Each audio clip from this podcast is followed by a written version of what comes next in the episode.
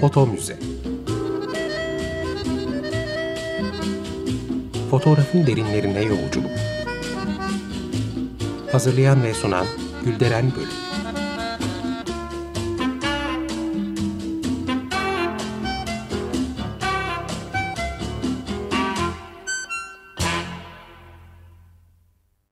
Merhaba değerli dinleyiciler, fotoğraf tarihçiniz ben Gülderen Bölük. Bir foto müzede yine birlikteyiz. E, programa başlamadan evvel e, destekçimiz Sayın Necla Resen'e çok teşekkür ediyorum. Sağ olsunlar. E, bugün programımızda değerli bir konuğum var. Fotoğraf sanatçısı, akademisyen, küratör Kamil Fırat. Ve benim de çok sevgili ve çok değerli hocam. Hoş geldiniz. Hoş bulduk. Çok teşekkür ediyorum. Ee, aslında Kamil Hoca ile bu ilk programımız değil. 11 hmm, Haziran'da yine bir araya gelmiştik ve Abdülhamit arşivlerini konuşmuştuk. Daha doğrusu Abdülhamit arşivlerindeki e, fotoğraflardan yararlanarak hocamın oluşturduğu kitaplar üzerine konuşmuştuk ki hatırlatayım. E, bu ülkeler arasında İngiltere, Almanya, Rusya, Fransa ve Amerika var idi. E, programımızı kaçıranlar Spotify üzerinden ya da Açık Radyo podcastler üzerinden e, programı dinleyebilir. Fakat e, hocam o günden sonra iki kitap daha hazırladınız değil mi? Hangi ülkeler bunlar? Şöyle Rusya ve Japonya üzerine iki kitap hazırlayıp yayınladık. E, şimdi de baskıda olan bir üçüncü kitap var. Yani bugüne kadar toplam yedi e, yedinci kitabı yapmış oluyoruz. Bu kitapta Ürdün üzerine. Yani 19. yüzyıl sonunda Osmanlı coğrafyası içinde yer alan e, bugünkü Ürdün'ün e, 19. yüzyıldaki hikayesini anlatmaya çalıştım. Harika. Aslında tabii her zaman aklım onlarda kaldı. O gün yaptığımız programda bile tek tek konuşamadık. Böyle genel bir çerçeve evet. çizmek zorunda kaldık. Yine aklım orada ama e, değerli dinleyiciler e, bugün başka bir e, konuları konuşmak için bir araya geldik e, Kamil Hocam'la. E, bugün kayıt, arşiv, bellek, kişisel hafıza, toplumsal hafıza ve e, tüm bunların fotoğrafla ilişkilerini konuşacağız. Ve sonucunda da bu kavramlar ülkemizde e, nasıl, nasıl olmalı, neler yapılabilir gibi soruların da cevabını arayacağız birlikte. E, ben konuya e, Winston Churchill'ın bir sözüyle e, başlamak istiyorum. Ne kadar geriye bakarsanız o kadar ileriyi görürsünüz diyor. Hatta bu söz e, Henry Ford Müzesi'nin girişinde de yazıyormuş. Buradan hareketle sormak istiyorum hocam. Geriye bakmak ne demek? E, geriye nasıl bakılır? Hani Churchill'in lafı üzerine e, bir laf etmek e, bizim haddimize düşer mi bilmiyorum ama e, geçmişin derinlerine ne kadar fazla bakabilirsek aslında e, geleceğe de o kadar e, sağlıklı bakabilme şansına sahibiz. Yani e, insanoğlu e, var olduğundan bu yana hep e, geçmişte ne yapıldığına, geçmişte e, nelerin hayatı şekillendirdiğine bakmış. E, bugün tabii bununla ilgili birçok disiplin var. İşte bir tarafta e, arkeoloji disiplini var, diğer taraftan antropoloji disiplini var. Tarih dediğimiz büyük o e, anıtsal bilgi kümesi var. Bütün bunlar aslında insanın e, geçmişle kurduğu, kur, kurmak istediği bağın e, yöntemlerini, araçlarını e, ortaya koyuyor. E, yani esas olan tabii sadece geçmişe e, bakmak değil, e, geçmişle bugün ve daha da önemlisi yarınla bağ kurabilmek. E, yani bütün e, uygar topluluklara baktığımızda ya da hani uygarlık lafını aradan çıkaralım, e, bütün topluluklara baktığımızda hepsinin aslında bir yüzünün geçmişe, bir yüzünün de geleceğe e, dönük olduğunu ve bunların arasında da bir bağ olduğunu görüyoruz. Yani e, geçmişe bakan yüz ayrı, geleceğe bakan yüz ayrı gibi değil. E, işte şey gibi e, hani bizde de e, adına tapınak yapılan Hekate gibi yani üç dört başlı e, tanrıça gibi. Yani insan da bir tarafıyla geçmişe bir tarafıyla geleceğe bakıyor. Biz de aslında işin neresindeyiz? Fotoğraf kısmındayız tabii. Yani daha da e, çoğunluğu e, hani bizim esas konumuz tabii fotoğraf olduğu için onunla e, bağlamak istiyorum. Yani fotoğrafın tarihi tabii çok e, geriye gitmiyor. Yani e, yaklaşık 200 yıllık bir geçmişi var. Ama bu 200 yıllık geçmiş e, insanlık tarihinin toplamına baktığımızda aslında e, sadece 200 yılla sınırlı değil gibi. Çünkü e, fotoğrafın bulunmasıyla birlikte aslında dünyanın envanteri çıkarılıyor. Görsel envanteri çıkarılıyor. Evet.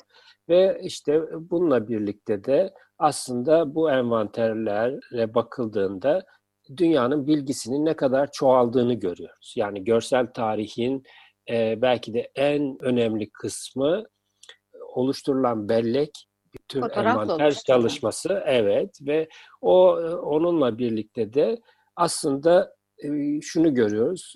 Dünyanın öznelerinin ne kadar çok olduğunu ve fotoğrafın hmm. bu özneleri açığa çıkarmada en önemli araç olduğunu görüyoruz. Bu anlamda da e, fotoğraf bir taraftan evet hani günümüzü kaydeder, anılarımızı kaydeder, hikayelerimizi kaydeder ama diğer taraftan da e, büyük bir bellek olarak insanlığı kaydediyor. Bu anlamda da tabii çok değerli diye düşünüyorum. Evet. Şimdi tabii hafıza ve bellek olmasaydı bireyler, gruplar her alacağı kararda, her atacağı adımda ve üretecekleri çözümlerde hep yeniden başlamak zorunda kalacaklardı. Bunun için bellek e, çok önemli. E, peki ama yani hafızaya güvenilir mi? Ya da hafıza geliştirilir mi? Bunları diri tutmakta işte mesela fotoğrafın e, görevi nedir, nereye kadardır? Ee, yani şu bir gerçek, ee, bir insanın belleği çok sınırlı ee, ve e, hani bir taraftan biriktiriyor ama diğer taraftan da unutuyor. Yani hı hı. E, keşke bütün e, biriktirdiklerini depolayabilmiş olsa ve bunlar kullanılabilse böyle bir şansımız yok. O yüzden de araçlar geliştirmiş. İşte bunun en önemli araçlarından bir tanesi yazı. Yani yazının ortaya çıkması, evet iletişim vesaire falan filan ama bir taraftan da esas olarak bu kayıtların tutulabilmesi. Fotoğrafın da böyle bir işlevi var. Yani fotoğrafta aslında bizim unuttuklarımızı bize hatırlatan e, özelliğe sahip. Yani insan unutur, toplum unutur, insanlık unutabilir.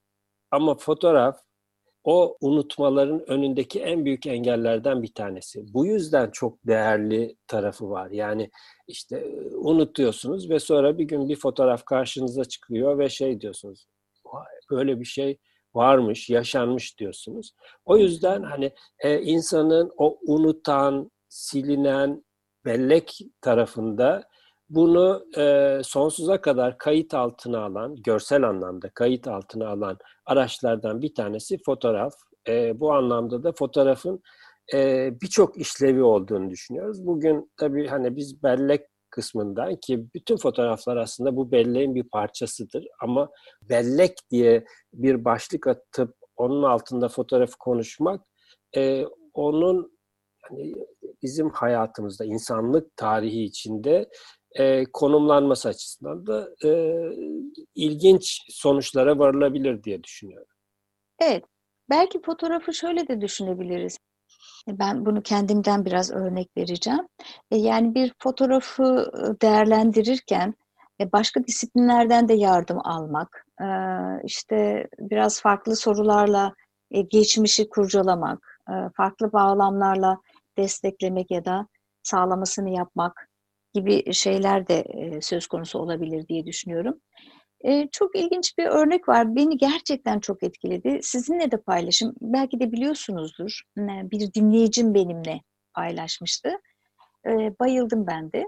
E, Cevdet Mehmet Kösemen diye bir e, kişi, bir arkadaşımız e, sokak tabelaları üzerinden bir göç hikayesi e, yapıyor.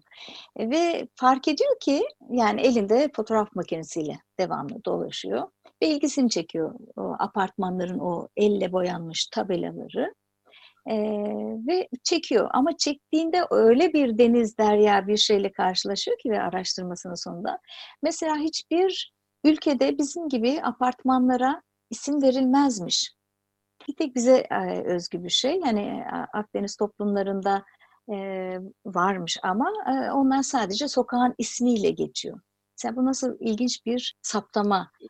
E, sonra e, işte e, böyle insan ismi gibi veriyorlar ama onları yapanların ustaların ki birçoğu da Ermeni imzaları varmış. Yani hepimiz önünden geçiyoruz o tabelaların e, binlerce kişi, milyonlarca kişi ama bir kişi çıkıyor o merakıyla o işte hani fotoğraf makinesinde kaydetme gücünü de kullanarak ve sonra derin bir okuma yapıyor. Ve altından neler çıkıyor ve bu buradan da bir göç hikayesine ulaşıyor. E, kitabın ismini de söyleyeyim. E, Kaybolan Şehir Ansiklopedisi. Müthiş yani o kadar etkilendim ki e, o kadar hoşuma gitti ki biraz hani bellek ve fotoğraftan uzaklaşmış olacağım ama insanın o merakı, o dikkatli bakışı yani sadece fotoğraf da değil belleğimizi hatırlatan yani belleğimiz olan pek çok şey var ama bakmayı bilirsek sanırım değil mi? E, şimdi şöyle bu tabela meselesi aslında benim e, çok ilgimin içinde olan konulardan bir tanesi. Evet. Neden? Evet. E, bu dijital teknolojiyle bir, birlikte aslında e, tabelacılık ortadan kalktı. Ve aslında şu anda kimliksiz bir tabela e, dönemi yaşanıyor. Yani işte belli fontlar var, onları seçiyorsunuz, e, ölçüye göre basılıyor. Yani belki teknolojik olarak çok böyle e, sıfır hatayla işte her şeyi konturların vesairelerin falan hatasız olduğu bir e, dönem yaşanıyor ama kesinlikle kimliksiz bir dönem. Oysa tabelalar görsel kültürün, yazılı kültürün belki de en e, önemli e, göstergelerinden bir tanesidir. E, söylediğin mesele çok önemli. Yani her birinin altında ustasının imzasının olması. Ben o tür tabelalar yapan e, ustaların dönemini çok net hatırlıyorum. Yani benim gençliğimde, çocukluğumda böyle her 2-3 sokakta bir tanesinde tabelacılar olurdu ve onların gerçekten yazı karakterleri, ve o tabelaya verdikleri bir ruh vardı. Hani e, kulağına üflemek meselesi var ya gerçekten tabelalar öyleydi ve yazı kalitesi de öyle gelişiyordu. Yani e, sizin oradaki üslubunuz işte hani belli bir e, sistem içinde üretiyordunuz boya kullanmanız işte cam altı olması cam üstü olması vesaire falan resimlerin kullanılması e, bütün bunlar aslında e, o hani kültürel kodlar dediğimiz ya da işte hani e, bellek dediğimiz unsurlar. Sadece tabela mı? Hayır değil. Yani e, birçok şey e, bunun içine dahil oluyor. Fotoğraflar meselesi, e, fotoğrafçıların tabii bir, bir boyutuyla aslında bütün bunlara ilgi göstermesi gerek. Neden? Çünkü bunlar yok olup gidiyor. Ya işte e, işin durumun farkına varanlar, koleksiyonerler bunları topluyorlar.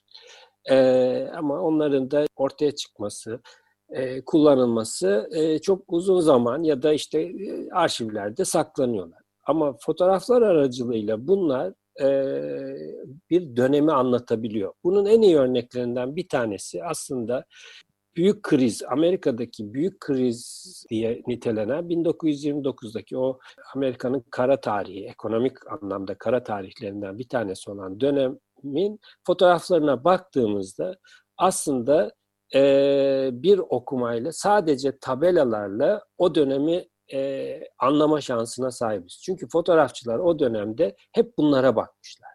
Yani neden? Çünkü o günkü ekonomik sistemi, e, kentlerin yapılanmasını ve bunun içindeki o ticari e, yapıyı o tabelalar çok iyi anlatıyor. E, ve e, belli bir karakteri var onların. Dolayısıyla fotoğrafçılar da ki e, o dönemin e, Amerikalı dokümanter fotoğrafçıları da bunları e, özneleştirmişler ve gerçekten bugün dönüp baktığımızda Amerikan tarihini bunlar anlatıyor. Bu tabii böyle hani sadece tabela meselesi. E, toplumlar böyle göstergelerle inşa ediliyor. Yani başka böyle anıtsal büyük hikayeler falan değil. Böyle küçük şeyler. İşte tabelalar, sokak numaraları, hatta işte şimdi olmayan eskiden işte su için, hava gazı için küçücük e, şeyler olurdu. Ne derler? E, metal kabartma tabelalar olurdu. Bütün bunlar. Ondan sonra yol, kaldırımlar vesaireler yani e, siz her gün ta, e, kaldırımları değiştirdiğinizde e, kenti yenilemiyorsunuz aslında. Belleğini siliyorsunuz. Çünkü o kaldırımlar üzerinde insanlar yürüdüğünde biriktiriyorlar. Siz onu her gün değiştirdiğinizde bellek siliniyor. Tabelaları değiştirdiğinizde bellek siliniyor. E, kapı numaralarını değiştirdiğinizde bellek siliniyor ve aslında öncesiz bir topluma doğru gidiyorsunuz ve dolayısıyla da insanlar ne yapıyorlar? Tarihi kendileriyle başlatıyorlar. Oysa hani öyle bir coğrafyada yaşıyoruz ki 12 bin yıl, yıl geriye gidiyoruz. Yani e, böyle bir e, coğrafyadayız. Çok şanslıyız yani. E, hani anlat deseler nereden başlayacağınızı bilemezsiniz ve ömrünüz tabii bu tarihi anlatmaya yetmez. Ama hani biz çok daha küçük e, noktalardan bakıyoruz ve aslında o bir toplumun, kentin biriktirmeleri yani bugün işte kent değişiyor, kentin dokusu kayboluyor meselesi biçimsel bir mesele değildir. Ee, tamamen e, belleğe dair bir meseledir. Yoksa bir binanın yıkılıp yeniden yapılması başka bir şey. Şimdi geçen hafta Boğaz'da bir cami yandı biliyorsun. E, şimdi ve hemen şu dendi. Ya çok kısa sürede yapacağız. Bir anlamı yok ki. Çünkü o yapı 200-250 yıldır biriktiriyordu. Yani o duvarlar e, sadece duvar değil orada işte ibadet edenler, namaz kılanlar, dua okuyanların bütün o sesleri o duvarlara sinmişti ve e, o bellekti. Şimdi binanın aynısını yeniden yapsan ne anlamı var? Sadece biçim olarak evet onu yapıyorsunuz. O yüzden hani e, kent, e, bellek meseleleri e, böyle sadece işte yıkılan yapılara üzülmekle değil aslında belleğin yitmesi anlamında mateme dönüşmesi gereken bir mesele. Evet. E, peki e, fotoğraf okurken yani fotoğrafın başka disiplinlerden de faydalanması noktasında e, ne diyorsunuz? Yani tek başına ee, fotoğraf yeterli midir? E, Değil tabii. Yani bir bağlamıyla fotoğraf sadece fotoğraf olarak düşünülebilir. Çünkü hani fotoğrafın kendi yapısallığı içinde fotoğrafı ele alabiliriz. İşte geometrisinden söz, söz edersiniz, tekniğinden söz edersiniz, estetiğinden söz edersiniz ee, ve bunlarla da insanlar mutlu olabilirler. Ama e, biraz önceden beri yani programın başından beri söz ettiğimiz mesele yani bellek meselesi gibi e, bir alana doğru fotoğrafı taşıdığımız zaman ister istemez e, bütün disiplinlerle yani bütün demek belki abartılı olabilir ama birçok disiplinle ilişki kurmamız gerekir. İşte bir tarafta tarih var, bir tarafta e, sosyolojisi var işin, bir tarafta antropolojisi var, işte arkeolojisi var. Yani bütün bunlarla fotoğraf aracılığıyla ilişki kurmak zorundayız. Neden kurmak zorundayız? Çünkü e, fotoğraf e, gerçeklikle olan nedenli ilişkisinden dolayı gerçeğin bir tür analojisi gibidir. Ee, böyle bakınca da ister istemez biz bu fotoğraflara yani bu bağlamda baktığımızda yani bellek bağlamında baktığımızda gerçekliğin bir parçası olarak okumak zorundayız. Gerçeği bir parçası olarak okumak durumunda olduğumuzda da e, fotoğrafın bilgisi bunu okumaya yeterli değil.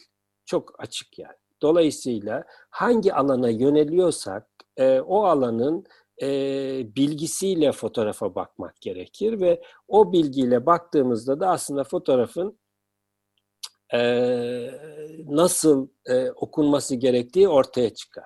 Yani e, bir tıp alanından birisi bir fotoğrafa baktığında ister istemez tabii e, kendi disiplini ışığında okur. Bir sosyolog kendi disiplini ışığında okur. Yani hı ve her birinin okuması farklı bir noktaya gider. Şimdi o nedenle hani bellek dediğimizde de böyle belleğin hani bir fotoğrafa bakıyorsunuz ve her şeyi açıyorsunuz. Böyle bir bilgiye zaten sahip değiliz. Yani fotoğrafın e, belki de en güzel tarafı bu. Bugün e, bu e, bir fotoğrafa bir sosyolog baktığında başka sonuçlar çıkarır. E, yarın bir gün o aynı fotoğrafa bir başka alanın e, uzmanı baktığında çok başka e, sonuçlara ulaşabilir. Bu anlamda fotoğraf kaçınılmaz olarak bu bağlamda söylüyorum. E, mutlaka o gerçekliği çözümleme, gerçeğe dair bilgiye ulaşmada e, aracı olan bütün disiplinlerle ilişki kurmak zorunda. Evet. Şimdi bizim arşivciliğimiz ne durumda? Yani burada fotoğrafı da katıyorum ama başka şeyleri de katıyorum. Bizde işte bu hafızaya, toplumsal belleğe nasıl e, yaklaşıyoruz toplum olarak? Mesela üniversitelerin arşivleri sizce ne durumda? E, dernekler ne durumda? Şirket arşivleri, şirketin bir tarihçesi yazılacak olsa herhangi bir şirket olabilir. Ne durumda? E, aileler ne yapıyor kendi hafızaları için? Müzelerde daha neler yapılabilir ya da bunun sınırları nereye kadardır? Gibi gibi. Ya da mesela e, benim müzeyle ilgili de sizinle uzun uzun konuşmak istiyorum. E, vaktimiz de daraldı ama e, belki diğer e, programa sarkıtırız. Mesela her şehre bir müze olmalı mı? Bu müzeler nasıl e, donanmalı? E, ya şöyle hani e, aslında bu arşiv hani bizim coğrafyamızda arşivcilik nasıl vesaire buradan başlayalım. Ben e, geç keşfettiğim arşivlerden bir tanesi de Osmanlı arşivleri. Yani e, bugün e, eskiden Başbakanlık Osmanlı arşivleri diye geçiyordu. Şimdi zannediyorum Cumhurbaşkanlığına bağlı e, Osmanlı arşivleri diye geçiyor. Yani e, Osmanlı'nın yani biz hani dönüp geçmişe baktığımızda Osmanlı'nın müthiş bir kayıt tutma sistemi olduğu gibi bir gerçek var. Yani bugün Osmanlı arşivlerinde 80 milyon belge var. Bu aslında az buz belge değil ve e, neredeyse bizim coğrafyamızın e, bütün hikayesini oradan okumak mümkün. E, sen de biliyorsun ben hani e, Adatepe köyü ile ilgili e, bu arşivlerden yararlanarak Adatepe köyünün tarihine dair bir küçük kitap hazırladım. Yani küçücük bir köy için bile aşağı yukarı 200'e yakın belgeye ulaştık. E, bu e, işte içinde e, ki yazışmalara bakıldığında aslında Osmanlı'nın nasıl kayıt tuttuğunu çok net ortaya koyuyor. Yani öyle rastlantı hani laf olsun diye değil. Ciddi e, kayıt tutma yöntemi var. Ve bu gelenek aslında e, bugüne kadar da devam ediyor. Yani bir taraftan hani o devletin e, kayıt tutma meselesi Osmanlı'dan gelen gelenekle görüyoruz ki bunun mesela en güzel e, hikayelerinden birini e, İnönü İsmet İnönü anlatır anılarında. Belki hani çok kısaca değinmekte Tabii. yarar olabilir. E, Atatürk işte Latin alfabesine geçeceğiz deyince İnönü diyor ki ya hani aşamalı geçmek lazım. Atatürk tabii çok daha pragmatik bir yaklaşımla hayır hemen geçeceğiz diyor. İsmet İnönü diyor ki ya önüme gelen imzalamak için gelen belgeler bir anda evraklar iki katına çıktı. Çünkü kimse doğru düzgün hani e, şeyi bilmediği için Latince bir yanlışlık hmm. yapmamak için hem Osmanlıca eski Türkçe ile yazıyorlarmış hem de yeni hmm. e, alfabeyle yazıyorlarmış. Diyor ki böyle bir şey oldu. Yani bu aslında şunu gösteriyor. Hani bir gelenek var ve hata yapılmak istemiyor ve işte hmm. orada bir anda ikiye katlanıyor. Şimdi bir tarafta bu var. E, ama bizim esas e, aslında e, zayıf olan tarafımız e, kişisel tarih kısmı. Yani e, devlet, bürokrasi e, biraz da hani e, yarın bir gün hesap sorulmasın diye büyük ihtimalle e, her şeyi çok böyle kayıt altına alıyor. Yani o bir hata yapılmasın diye. E, dolayısıyla hani bugün mesela şu konuda hiç endişe duymuyoruz. 20 yıl sonra mutlaka bugün e, sır olarak bilinen şeylerin kaydı bir yerlerde tutulmuştur. Yani bu böyle bir e, inanca sahibim açıkçası. E, ama kişisel tarih meselesinde e, epey noksanlarımız var. Bu coğrafyanın e, daha çok sözlü kültüre dayanmasından kaynaklanıyor. Yani biz hmm. daha sözlü kültürden geliyoruz. Yani şu, e, şöyle düşünelim. Hani mesela aşıklar geleneği, hani böyle sazla işte çalıp atışma meselesi. Tam bir sözlü kültürdür ve yazılı kültüre e, geçmez. Hep kulaktan kulağa aktarılır. Denkleşler. e, evet ve bu yüzden de hani e, çok kesintiye uğrayan ve kopukluklar yani o akış içinde, tarih içinde e, kopuklukların olmasına neden oluyor. E, bir başka nedeni de şu, aslında belki kayıt tutulmuş olabilir ama insanlar genellikle tarih deyince anıtsal tarihlerden e, daha çok e, hani böyle işte büyük hikayeler, savaş kazanmalar, işte büyük seferler falan filan bunların hikayesinin tarih olduğunu düşünüyorlar ve o kişisel notların, işte dedelerin, büyük dedelerin kayıtlarının çok da e, hani e, anlamsız gibi gelebileceğini düşünüyorlar. Oysa en değerli kayıtlar herhalde onlar. Çünkü bugün e, tarih diye düşündüğümüzde hani onu destekleyecek ya da onu daha çok açacak konu e, bu şeyler, e, kayıtlar diye düşünüyorum, notlar diye düşünüyorum. Dolayısıyla e, hani e, insanların yeniden sandıklara bakması gerektiğini düşünüyorum. Evet. E, şimdi aslında devam etmek istiyordum. Çok önemli bir noktaya geldik. Kişisel bazdaki tarih ya da aile tarihleri gibi konuya geldik. Ee, örneğin bir savaşın kayda tutulacaksa bu sadece komutanların ya da baştaki yetki sahiplerinin perspektifinden değil, gerideki e, ailelerin, e, askerden kaçanların, askerlerin ve gerideki ekonomik, e, sosyal e, durumların da incelenmesi gerekiyor. E, bir tek kişi bazında bile bu çok önemli. E, maalesef sonuna geldik hocam, çok hızlı aktı. Ee, evet. Çabuk geçti. bir, bir dahaki programda devam edelim diyorum. Ne dersiniz?